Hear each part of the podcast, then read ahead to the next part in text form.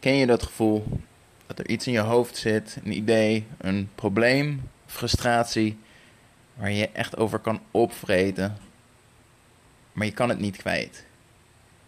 Nou heb ik dus de luxe. Ik kan het wel kwijt. Ik heb namelijk een podcast.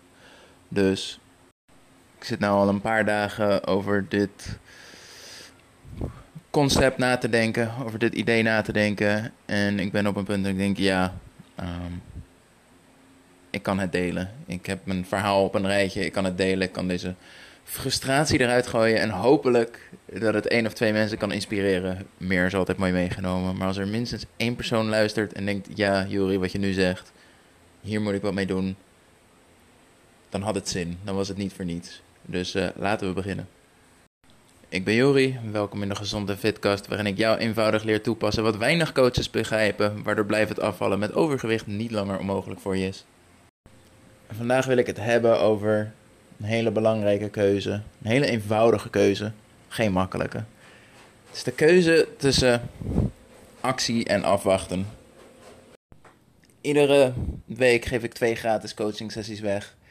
Het is voor mij een kans om mensen te helpen die het niet zo breed hebben, maar het is ook een kans voor mij om te leren. Te leren waar jullie tegenaan lopen, de fouten die gemaakt worden en hoe ik je daarbij kan helpen. Nou ja, dat is ook de reden dat ik deze podcast nu opneem. Want ik spreek vrouwen die gewoon al zeker drie jaar stilstaan. Misschien wel langer, hè? al vijf jaar, tien jaar, twintig jaar aankloten met je gewicht. Maar eigenlijk alleen maar zwaarder worden. Het idee, een dieet na het andere Ehm, en alleen maar zwaarder en zwaarder worden. En dan kan je zeggen, maar ze nemen toch actie, ze volgen diëten en ze zijn ermee bezig. Ja, dat klopt. Alleen er is één verschil. Die diëten falen, dat is geen verrassing. Falen is onvermijdelijk. Wat je ook doet, je zal falen, in welke manier, op welke manier dan ook. Falen is onvermijdelijk, ervan leren is optioneel. En zij leren er niet van. Als ik mensen spreek die voor de vierde keer met Weight Watchers beginnen, voor de derde keer met Personal Body Plan, dan vraag ik me af: wat is er nu anders? Waarom zou het de eerste vier keer niet werken en de vijfde keer wel? En daar is natuurlijk geen antwoord op. En dan, dan wordt de schuld bij zichzelf gelegd. Toen had ik het druk, ik had de wilskracht niet, ik had de discipline niet... ik was mijn motivatie verloren. Misschien lukt het deze keer wel. Heel eerlijk, je bent gewoon aan het afwachten als je het op die manier gaat doen. Alleen geef je er geld aan uit, zodat je voor jezelf kan goed praten. Nee, nee, ik ben echt bezig. Deze vierde keer Weight Watchers gaat het echt anders zijn. Ja, niet dus. Dus dan kan je beter echt afwachten. Jezelf het geld besparen en dat geld vervolgens in iets veel nuttiger steken. Of een betere vorm van begeleiding, een betere coach. Of iets waar je gelukkiger van wordt. Want nu ben je geld in iets aan het steken wat niet gaat werken en waar je ongelukkig van wordt en waarschijnlijk zelfs nog meer van aankomt. Een verlies, verlies, verlies situatie lijkt me niet de beste keuze. En wat me hier, nee, wat me tot dit onderwerp bracht, is bijna een stukje frustratie vanuit mezelf. Wat ik namelijk merk is dat als ik terugkijk naar vijf jaar geleden en waar ik nu sta, en waar ik verwacht in de komende jaren te zullen staan, dan heb ik het idee dat ik de herkenbaarheid kwijt ben. Vijf jaar geleden was ik herkenbaar, tenminste. Als ik mijn verhaal van vijf jaar geleden open zou delen, hadden mensen mij herkend. Alleen het probleem was, ik was zo bang over van alles. Ik durfde mijn gezicht niet op video te laten zien op Instagram. Ik dacht dat ik niet goed genoeg was om een podcast te beginnen. Um, dus alles wat ik deed was heel veilig en ik deelde heel weinig. Dus niemand herkende me omdat ik niks deelde. En ondertussen herkennen mensen zich steeds minder in mij. Omdat ik in die vijf jaar zoveel actie heb ondernomen. Dat ik nu zoveel verder ben dan zij geloven dat ze zelf kunnen komen. En dit bedoel ik niet als uit de hoogte komen van, oh kijk hoe goed ik ben, echt helemaal niet. Maar als ik nu zou vragen, zou jij een podcast durven starten? Dan heb je waarschijnlijk honderden redenen waarom niemand naar jou zou willen luisteren. Heb jij een Instagram-account waarin je deelt over je afvallen? De meeste wel, of een groot aantal in ieder geval. Durf je daar ook persoonlijke stukken te delen? Laat je gezicht zien? Durf je op video te verschijnen? En dan blijft er misschien 5% van de luisteraars over. 95% durft dus dingen niet die ik ondertussen vanzelfsprekend vind. En de reden daarvan is actie. Vijf jaar geleden was mijn coaching alleen bellen via audio. Ik vond het doodeng om, video, om op video te verschijnen. Ik deed geen gesprekken vooraf. Ik had regelmatig dat mensen vroegen van... joh, kunnen we even vooraf bellen, kijken of dat voor mij is? Deed ik niet. Ik vond het doodeng om met vreemden te bellen. Dus ehm, mijn argument was... ze moeten maar gewoon zo overtuigd zijn van uh, wat ik deel... dat ze op basis daarvan moeten aanmelden. En als dat niet goed genoeg voor ze is... ja, dan zijn ze waarschijnlijk niet de juiste uh, persoon voor mijn coaching. Mooi hè, hoe je je eigen gedrag zo creatief kan goed praten naar jezelf toe. Ik vond verkopen vond ik vies en eng. Dus ik dacht, ik deel gewoon superveel over hoe fantastisch ik ben als coach. Nee, dat is niet waar. Ik deel vooral heel veel over mijn kennis. Ik deel eigenlijk helemaal niet over mijn coaching, want dan geef ik mensen het gevoel dat ze mijn coaching moeten kopen. En dat wil ik niet, want dat mag niet of zo. Dus ik uh, stuur gewoon heel veel mails. Ik, ik mailde twee keer in de week toen nog, ondertussen één keer in de week. Um, ik stuur gewoon hele goede mails en ik deel op Instagram en dan komen mensen vanzelf. Heel soms, ja. Maar, en, en dat is hoe een coach die ik op den duur zelf heb ingeschakeld mij daar anders naar liet kijken. Ander perspectief is namelijk, ik heb iets te bieden ik heb me tien jaar aan opleidingen lezen daarover. Ervaring, coachingservaring, personal trainer. Tien jaar aan kennis en ervaring die ik voor mezelf zou houden. Dat ik zou zeggen, nee, het aanbieden van mijn coaching, dat is, dat, dat doe je niet. Dus of mensen moeten per ongeluk erachter komen dat ik coach. Ja, of gewoon niet. En dan snap je dat het. Ik, ik kan het niet eens normaal uitleggen omdat het niet klopt. Ik heb iets te bieden, ik heb iets te brengen. Ik kan mensen helpen. En het is aan mij om mensen te laten zien dat ik ze kan helpen. En om die drempel zo laag mogelijk te maken. Dat. Um, zelfs al vind je het eng, en dat begrijp ik volkomen, zelfs al vind je het eng, dat ik het je zo makkelijk mogelijk maak om toch in actie te komen. Maar bijvoorbeeld ook die podcast. Moet ik dan wachten tot ik een microfoon heb van 500 euro, 1000 euro voordat ik een podcast kan opnemen? Zit nu in de slaapkamer met mijn telefoon in mijn hand. Ik loop heen en weer, want ik kan niet stilzitten. Ik zit op koffie nummer 2 ondertussen en het is pas. Uh, ik ben net 4 uur wakker. Um, Waarom niet? Waarom zou ik het moeilijker maken dan het is? Het is een beetje alsof je nog nooit hebt gesport, nog nooit krachttraining hebt gedaan. En, uh, en je zegt, in plaats van dat ik nu eerst gewoon op internet wat willekeurige oefeningen ga doen of een proefles bij de sportschool neem. Ik moet eerst 1000 euro aan materiaal aanschaffen voor in mijn woonkamer. Dan pas kan ik beginnen. Totale onzin natuurlijk. En als een ander je dit vertelt, dan kan je dat zonder moeite zien. Maar zelf heb je wel dat soort overtuigingen. Volgens zelf hebben we eindeloos veel argumenten waarom wij niet doen, waarvan we weten dat we het eigenlijk zouden moeten doen. Ik ben nu eenmaal lui. Ik kan niet ochtends sporten, want ik ben geen ochtendmens. Ik heb nou eenmaal een heel druk leven, dus dit is het beste wat ik ervan kan maken. Het is allemaal zo'n onzin. En dat weet je. Maar het is zo makkelijk om daar niks mee te doen. Om te zeggen, nee ja, goed argument. Uh, lekker zo laten.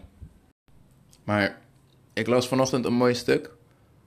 Is namelijk iets wat ik tegen, tegenwoordig doe. Ik vond het namelijk heel moeilijk om te lezen. Dus mijn overtuiging was, ja, weet je, lezen is gewoon niks voor mij, want ik kan niet zo goed stilzitten. Ik ben in actie gekomen. En ondertussen lees ik iedere ochtend een half uur tot een uur. En um, dat was om vooral te kijken, als het gaat over actie nemen, naar waar wil je staan over drie jaar, over vijf jaar, over tien jaar. Ehm, en kom in actie niet voor nu, maar voor, voor die toekomst. Ehm, en als jij zegt, ik wil over vijf jaar, misschien nu, zo snel mogelijk, willen kinderen hebben, maar ik wil wel gezond zijn.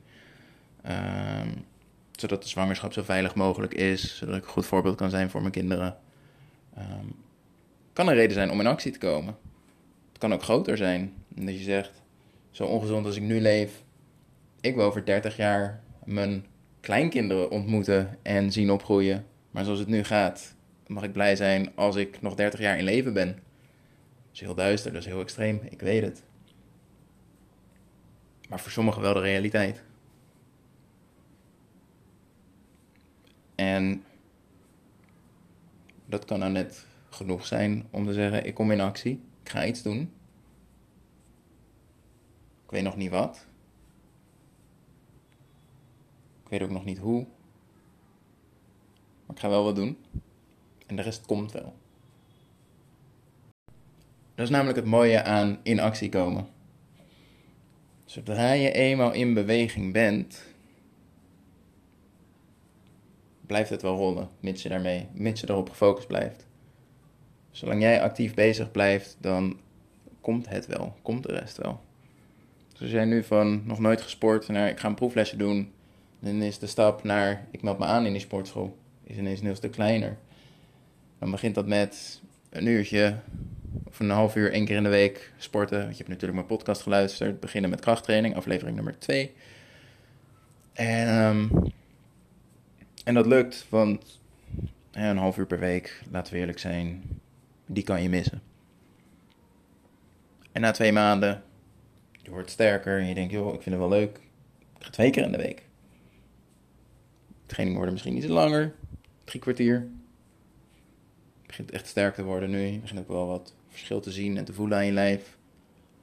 Je merkt, joh, een beetje goed voor mezelf zorgen bevalt me wel ga ik wat beter op mijn voeding letten.